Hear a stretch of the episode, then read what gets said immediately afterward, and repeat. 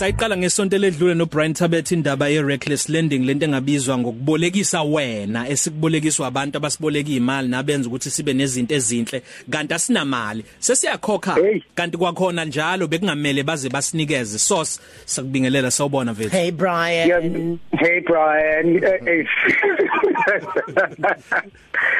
kunohleko lika Selbo olungichazela bese uyabona seku serious kakhulu ke manje Hayi ngiyakutshela oh. Hayi ngiyabingelela ngibingelela umlaleli cause FM namhlanje eh inyanga kaJuly inyanga yamadoda mm. cha ake ngineme eh abaholi ngineme inhloko zamakhaya ukuthi zibe ingxenye yalolu hlelo. Siya nawe selfie ika ikakhulu ngiyengithole kakhulu eh omama bengifonela bengishayela. Abaningi baze basho bathi ngifonelelela umyeni wami. Ngiyabamema ke namhlanje ukuthi abasondele. Siyazi ukuthi indoda ekhululekile nezitholile leyo nto isho inkululeko kwesimame oseduze naye. Eh ake sibuyekeze. Ngesonto ngeviki ledlule sikhulume sathi eh bangaphezulu kwa 25 million abantu abasebenzisa isikweletu. Abangaphezulu kuka 18 million babambekile kunzima kusinda kuyehlela kubona. Iningi lalabantu abawu 18 million sithe bayizisulu ze reckless lending.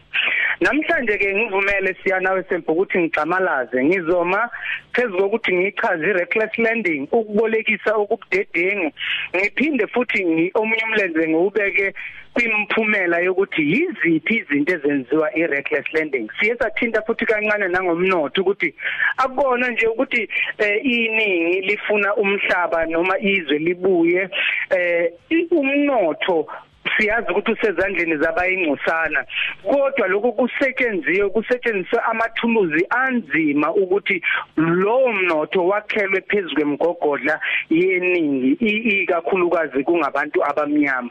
So ake ngiveze namhlanje ukuthi abantu abaningi kangaka kungani pho uhulumeni angangeneleli? Kungani abaholi nabamabandla bangayikhulumile ngcindezi yesikweletu?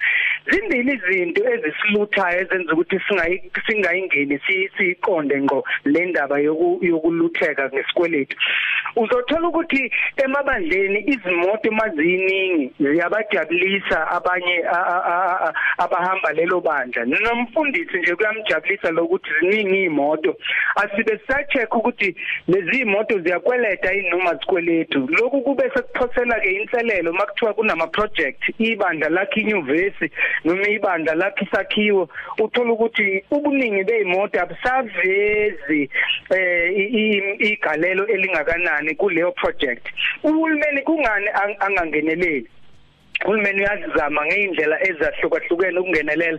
Kodwa futhi naye uhulumeni ngenxa yokuthi siyanawe selfie la eningizimu Afrika mm. ubuchwepheshe buphezulu ngendlela eyisimangaliso bokubhanga nje la eningizimu Afrika buqhathaniswa nobomhlaba. Benza ukuthi uhulumeni achecke lobo buchwepheshe aphinda achecke ne GDP abone ukuthi ayikho inkinga kangakanani. Lokhu okuba nomphumelela umphumela ongemuhle uthola ukuthi abahlali balelo lizwe bathola kuba nzima ukukhokhela ugesi nezinye idingo njalo njalo.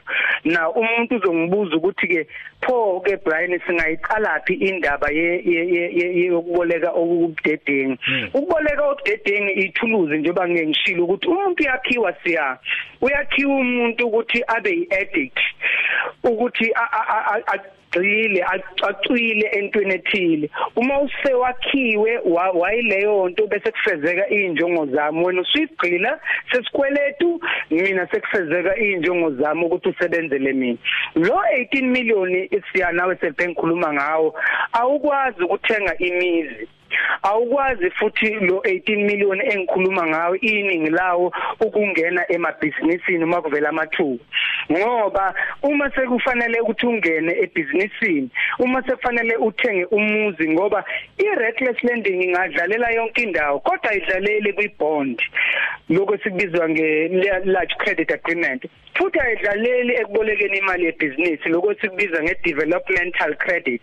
Zombili lezo indawo la kufanele lithuthuke khona wena la kufanele khona ube nekhaya lakho elithi wena i-reckless lending ngeke uyibone lapha. Kodwa iba umthelelo ukuthi ungakwazi ukuba nazo lezi zinto.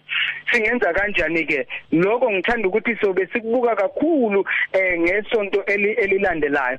Kodwa ke i-reckless lending kunomthetho siyanawo selbe bekuthiwa i-Usury Act ka 1968 lo mthetho urepealwe noma ukungena iNational Credit Act ukuzolungisa lo mthetho. Lo mthetho wawugunyaza ukuthi abantu abenziwe ithuluzi lokuthi bacwile igweletini ukuze kuphakame umnotho wengcosana ivula amabhizinisi ivula amahotela ivula amabhangi eh emgogodleni umuntu omnyama ngikubalile lokho. Izwe iUK neUS ireckless lending siya nawe self ibizwa ngepredatory lending i-criminal offense ukuboleka umuntu ongathi deserve isikweletu. Lokho sike sikubeke sikubone ikhangiso eziningi ezibhala ukuthi woza noma u blacklisted akumele noma ikanjani ukuthi unikezwe isikweletu uma usu blacklisted lokho kuyi reckless lending. Kuphinde kube nenye i reckless lending ongeke wayinaka eqashisiwe yilena ethi usiya uyaqualify asimniki isikweletu. Kodwa ukuqualifya kwasiya ukuthi athole lesi sikweletu kwenza ukuthi acwile isikweletini kodwa mawumbuka yena akacwilile kodwa mawungamnika lesi sikweletu uye basacwila angena esikweletini.